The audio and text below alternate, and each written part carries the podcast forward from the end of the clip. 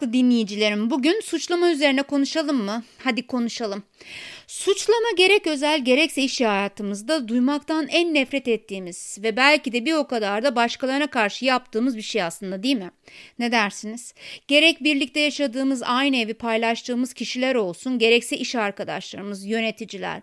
Bazen sadece şikayet etmek isteriz ama bir yerlerde şirazemiz kayar veya nasıl yapacağımızı bilemeyiz. Bir bakmışsınız suçlamaları ardı arkasına sıralıyoruz. Şikayet elbet olacak yani bu zaten insanı geliştiren bir şey. İnsanlığın hayatını kolaylaştıran, buluşlara götüren bir eylem bana kalırsa şikayet. Yani şikayet ettiğimiz şeylere çözüm buluyoruz öyle değil mi? Sonra bir bakmışsınız bir gün yepyeni bir teknolojiyle karşılaşmışız. İstediğimiz yerden sevdiklerimizle görüşsek dedik değil mi? Şikayet ettik hep. Ee, evlere gidiyoruz, şirketlere gidiyoruz. Sadece orada böyle masada bir kabloyla bağlı telefonlar vardı. Bunlardan şikayet ettik. Cep telefonları çıktı, internet çıktı. Her e, yerden istediğimiz zaman e, yer ve zaman kavramı olmadan görüşebiliyoruz. Yeter ki isteyelim. İnsanın anlam aradığı meraklı yanıdır şikayet. Ama suçlama biraz sıkıcı değil mi? Sizi bilmiyorum ama beni birisi suçlasa onu dinleyip de hadi bak hata yapıyormuşum. Gidip ben bir kendimi geliştireyim geleyim dediğimi hiç hatırlamıyorum. Aranızda var mı bilmiyorum. Aksine kızıyorum. Ya belki de oluşan durumdan onu suçlu buluyorum. Hatta belki bazen vay sen misin bana bunu diyen deyip ben de Allah ne verdiyse o güne kadar içimde ne biriktirdiysem gelişine söylüyorum. İçimizde bir yerlerde fren sistemimizde sorun varsa eğer bunları rahatlıkla yapabiliyoruz. Bizi kim engelleyebiliyor ki? Peki şikayet ne? Suçlamaya ne zaman dönüşüyor? Şikayet genelde karşımızdakinin başarısız olduğu bir eyleme yönelik bir şey aslına bakarsanız. Hani ne laftan anlamaz adamsın şu diş macununu inadına mı ortadan sıkıyorsun?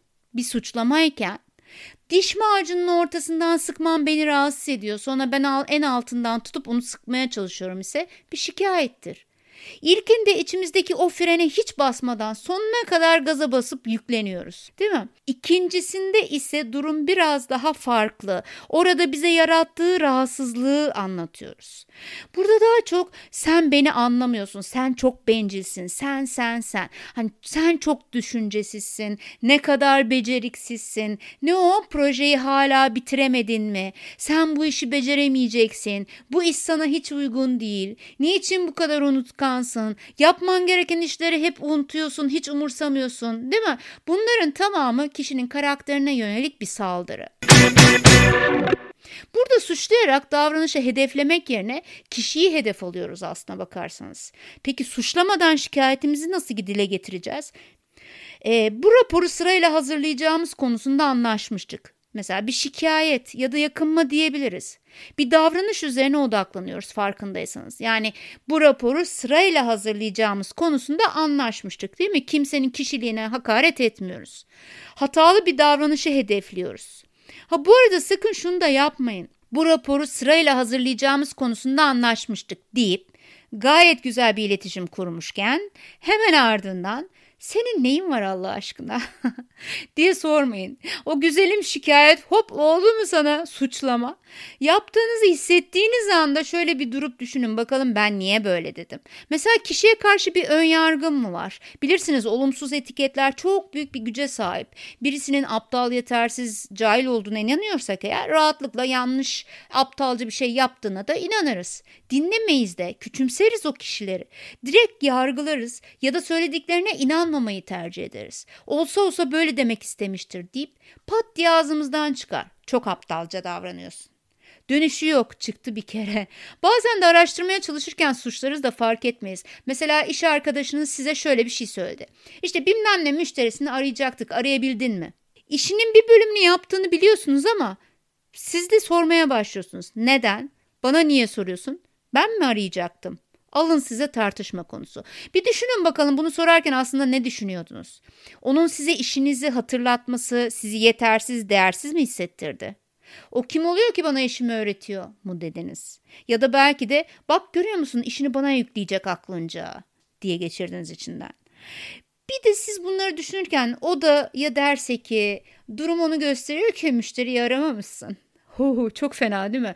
Ya da daha fenası bunları hep ben hatırlatıyorum sana der mi? Ho ho o da sizin suçlayıcı tavrınıza karşılık üstten bir dille öğüt verdi mi? Ben hatırlatmasam senin bir iş yapacağın yok hadi yine iyi ki ben varım. Mesaj çok keskin değil mi?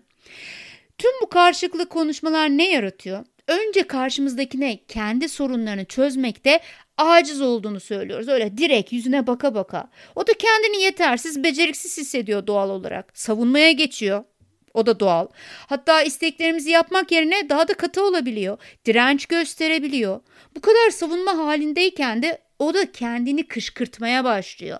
Ya da sizle iletişimi kesiyor mesela o da olabilir. Öyle ya yargılandığı, suçlandığı, azarlandığı kişilerle kim birlikte olmak ister ki? Yani kim konuşmak ister? Tabii ki mazoist değilse. Yani bazıları da bu noktada size daha çok bağımlı hale de gelebilir. Mesela kolaycılığa kaçar, keyfini kaçırmak istemez, azar işitmemek için de her kararını size sormaya başlar. E öyle ya kararları siz verirseniz sorumluluğu sizin üstünüzde olacak değil mi? Bazıları söylenenin tersini yapmaya özen gösterir. Misilleme yapar daha da isyankar davranır.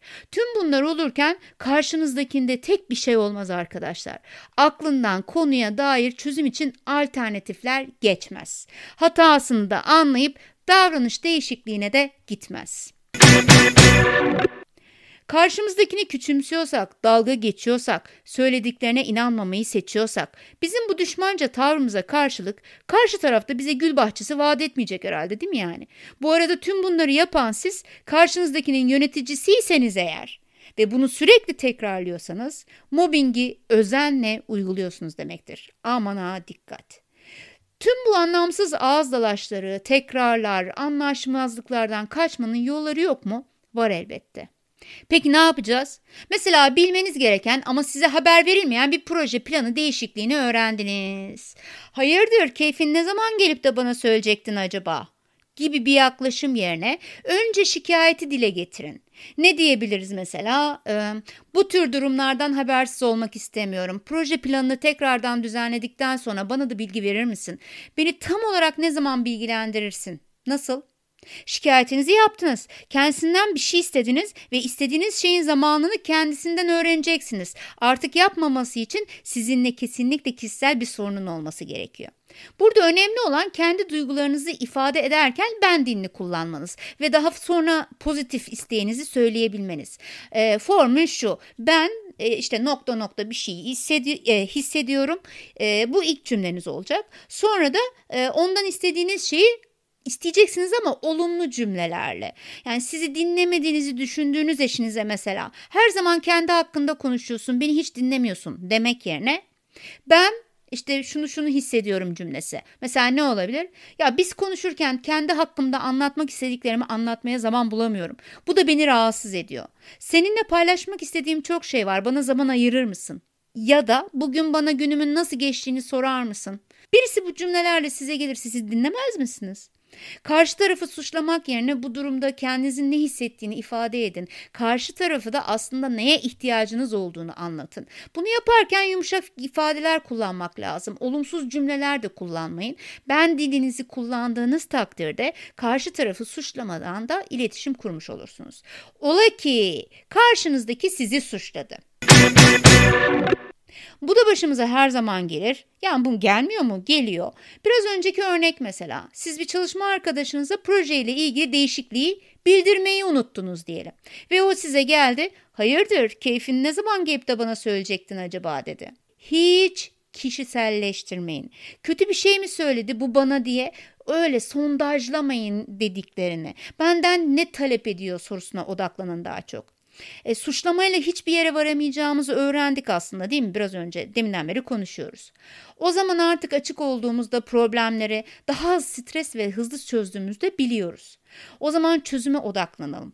Ha eğer söyleyiş tarzından hoşlanmadıysanız bunu da açık dilde ifade edin. Ama yine öyle konuya dalarak değil elbette. E, nasıl yapabiliriz mesela? Şöyle diyebiliriz.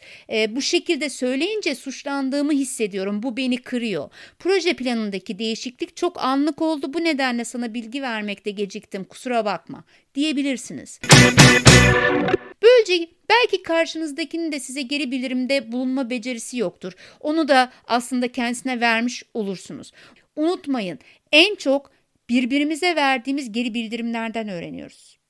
Evet suçlamadığınız, suçlanmadığınız, en stresli, en kızgın anlarınızda bile şikayetinizi iletebildiğiniz, etkin iletişim kurduğunuz güzel günleriniz olsun diyorum.